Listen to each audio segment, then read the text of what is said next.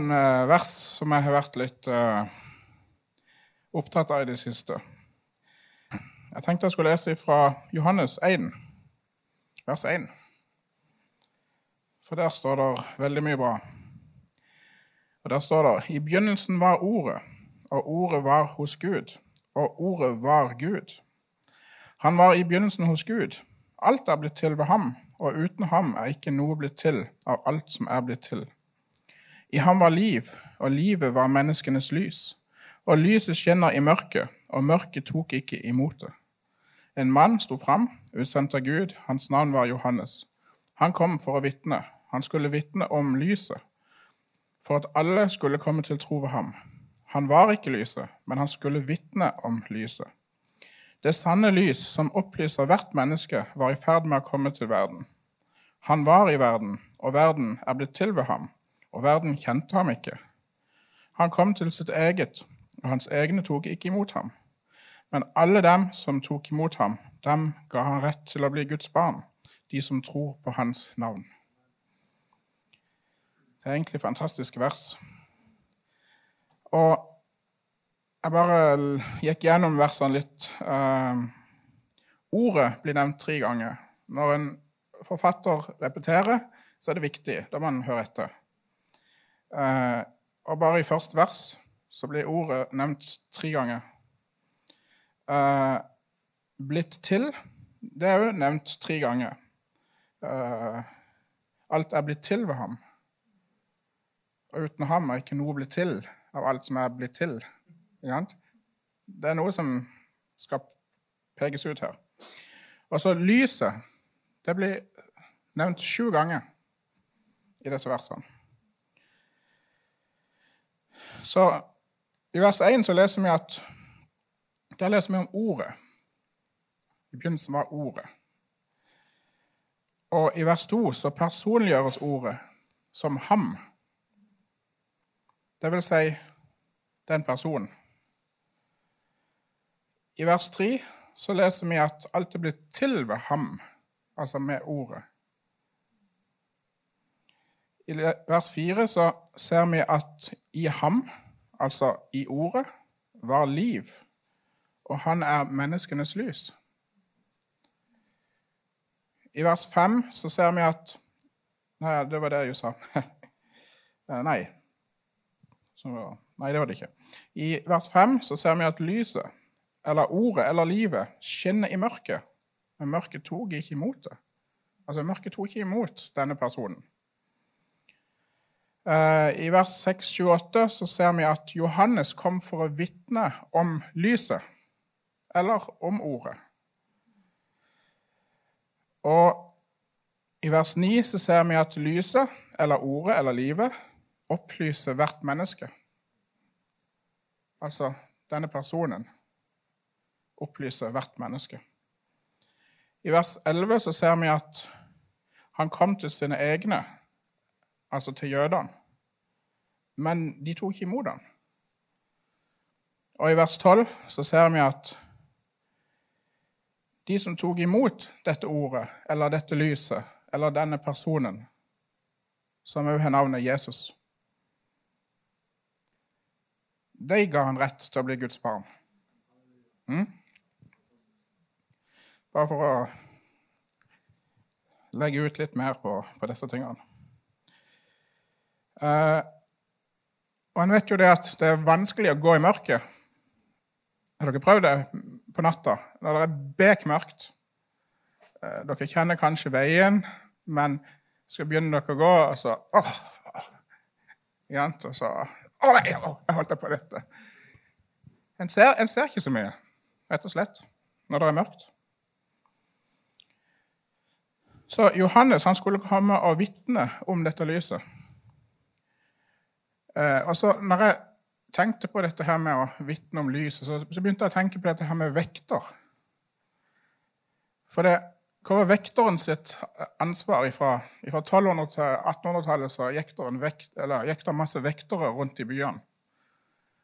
Og hva var oppgaven deres? Det var å holde lyset tent hele natta. Det var å speide og se om det var brann, for å varsle om brann Og de skulle se etter ja, kriminalitet som skjedde rundt forbi i byen. Og de hadde med seg ei lampe hele tida med ild, som var tent med, med, tran, faktisk. Eller det var, tra, tranlampe. Det var i vege oppe, så var det tran oppi. Og så brant denne her lampa hele natta. Og denne lampa kalte de for Morgenstjernen. Så når vektoren kom, og så sa han oi, den lampa er slukka, så sjekka han er det er det olje på lampa. Og Hvis ikke det var olje på lampa, så tømte han på lamp, eh, olje på lampa, og så tente han lampa, så hang han opp igjen. Så at det kunne skinne for, i gatene rundt forbi i byen. Og så så jeg litt videre, bare som en ja, liten parentes, egentlig, men i 1784 så hadde de en sang som de gikk rundt og sang, vekteren. Og det var litt interessant, for da fant jeg denne her sangen. Eh, så bare et par eksempler. Klokka 20, eller klokka 8 på kvelden, så sang de Når mørket jorden blinder, og da, dagen tager av, den tid oss da påminner om dødens mørke grav. Lys for oss, Jesus sød, bevert et fjell til gravens sted, og giv en salig død. Og Da kjente folk igjen at ok, det verset der, da er klokka åtte. Eller etter åtte. Og klokka ni så sang de Nå skrider dagen under, og natten melder ut. Forlat for Jesu vunder, vår synd og milde Gud. Bevar kongens hus samt all, alle mann i disse land fra fiendens vold og knus. Det er litt interessant å høre, syns jeg iallfall. For det, det som de egentlig var fokusert på her Det står noe om Jesus eller Gud eller et eller annet sånt i hvert eneste vers. Og det gikk de ut og ropte ut i gatene. Det er jo fantastisk.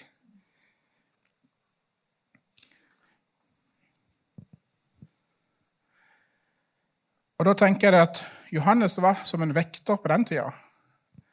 Han gjorde klar lampene. Han gjorde klar menneskene for at det sanne lys skulle komme. Så han gikk rundt og sa, 'Omvend dere, for Guds rike er kommet nær.' Og det var fordi at folk skulle omvende seg til Gud, sånn at Jesus kunne få komme inn og tenne det lyset i hjertene. Altså Når vi først hører fra Johannes, så har han jo skrevet noen brev òg. Og Der står det òg litt om lys, for han var litt opptatt av lys, lyset, altså av Jesus. Og I Johannes, 1. Eh, Johannes 1, vers 5, så står det Og dette er det budskap vi har hørt av ham og forkynner dere. Gud er lys, og det er ikke noe mørke i ham. Dersom vi sier at vi har samfunn med ham, men vandrer i mørket, da lyver vi og gjør ikke sannheten. Men dersom vi vandrer i lyset, like som Han er i lyset, da har vi samfunn med hverandre, og Jesu, Hans Sønns blod, renser oss fra all synd.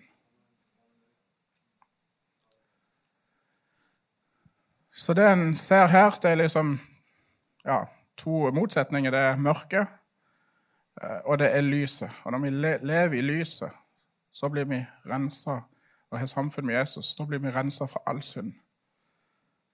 Så det vil da si at da kan en trekke den slutninga at OK, mørke, synd, lyset, tilgivelse. Det er ofte det en gjør. ikke sant? Eh, så står det videre i kapittel 2 i 1. Johannes, vers 8.: Likevel er det et nytt bud jeg skriver til dere, og det er sant i ham og i dere. For mørket viker bort, og det sanne lys skinner allerede. Den som sier at han er i lyset, og som hater sin bror, han er ennå i mørket. Den som elsker sin bror, blir i lyset, og det er ikke anstøt i ham. Men den, den som hater sin bror, han er i mørket og vandrer i mørket. Han vet ikke hvor han går, for mørket har blindet hans øyne. Så Johannes var opptatt av dette her. At en må, en må elske, ikke hate. Det er liksom de to motsetningene der. Elske lyset, hate mørket. Så da tenker jeg at da er det viktig å holde seg til ordet. Altså lyset, ordet. Det er viktig å holde seg til ordet. For hvordan skal en ellers klare å få hverdagen til å fungere hvis ikke en kjenner ordet, hvis ikke en kjenner lyset, eller har lyset på innsida? Det er jo noe av det viktigste for oss som, som er som kristne.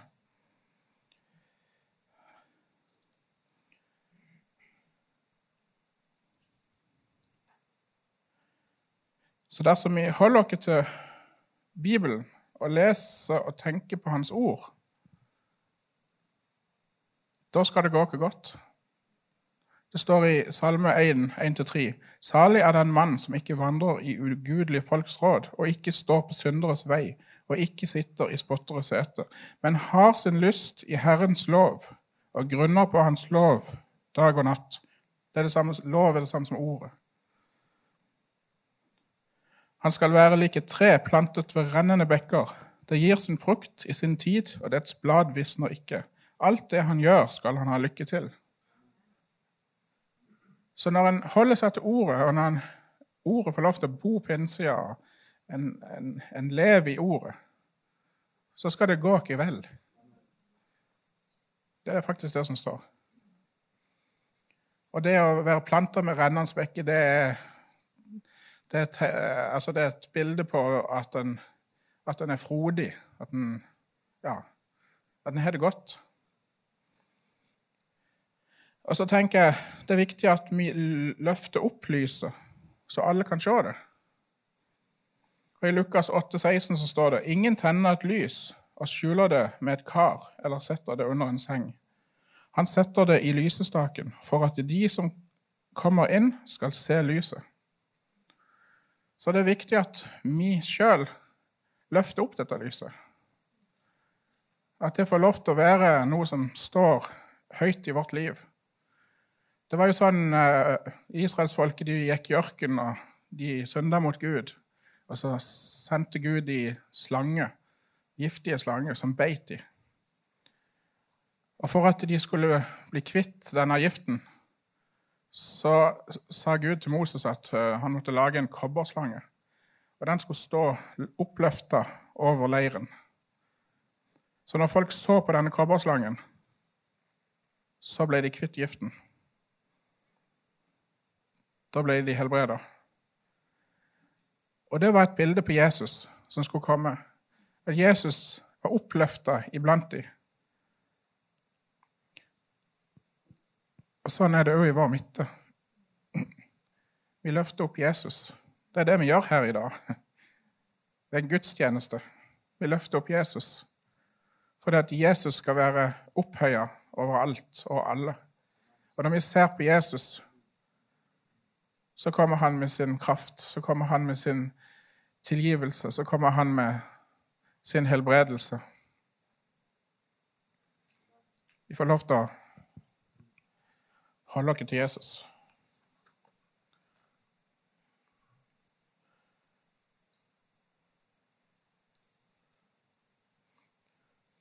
Så vi må ikke gjemme dette lyset. For hvem skal Hvordan skal da ellers folk ute i mørket, altså ute i denne verden, se lyset? Hvis, ikke, hvis vi gjemmer det, hvordan skal, da, hvordan skal de da se det? En by som ligger på et fjell, kan ikke skjules. Vi var i Israel med Genesaretsjøen, og så så vi oppe i fjellene der så så vi masse lys. Og Det var noen sånne små landsbyer litt sånn forskjellige som lå oppe der. Det kan godt være det Jesus sikta til når han talte. Og så sa han en by som ligger på et fjell. Den kan ikke skjules. Det går ikke an. Og Det samme under andre verdenskrig så så blenda folk rudene i husene for at ikke tyskerne skulle se hvor de skulle bombe. De skulle ikke se at det var byer der. Så da, da gjemte de lyset. Men en by som ligger på et fjell, kan ikke skjules. Så når vi holder opp lyset Det kan ikke ignoreres, for det skinner i mørket. Det kan ikke ignoreres.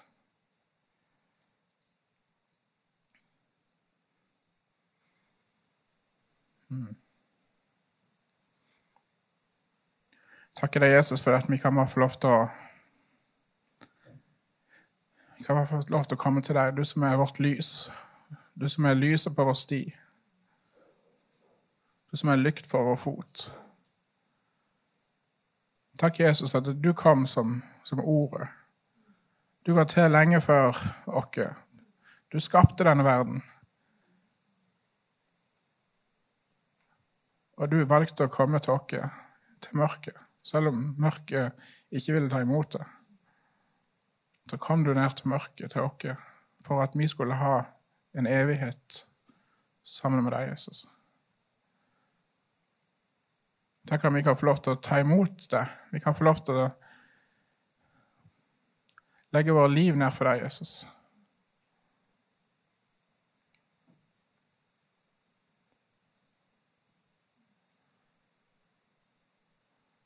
Takk for at du døde for oss, og med din død så fikk vi lov til å bli Guds barn. Vi fikk lov til å, å få himmelriket på innsida. Vi fikk lov til å bli nye skapninger. Takk at det gamle er forbi. Se, alt er blitt nytt. Jesus. Jeg bare ber om at vi bare skal fylle, få fylt olje på lampene igjen. Jesus. Sånn at vi kan brenne sterkt i våre omgivelser, der vi går til daglig. Og ber om at folk skal se hvem du er gjennom oss, Herre. Jesus. For det er det du har kalt dere til.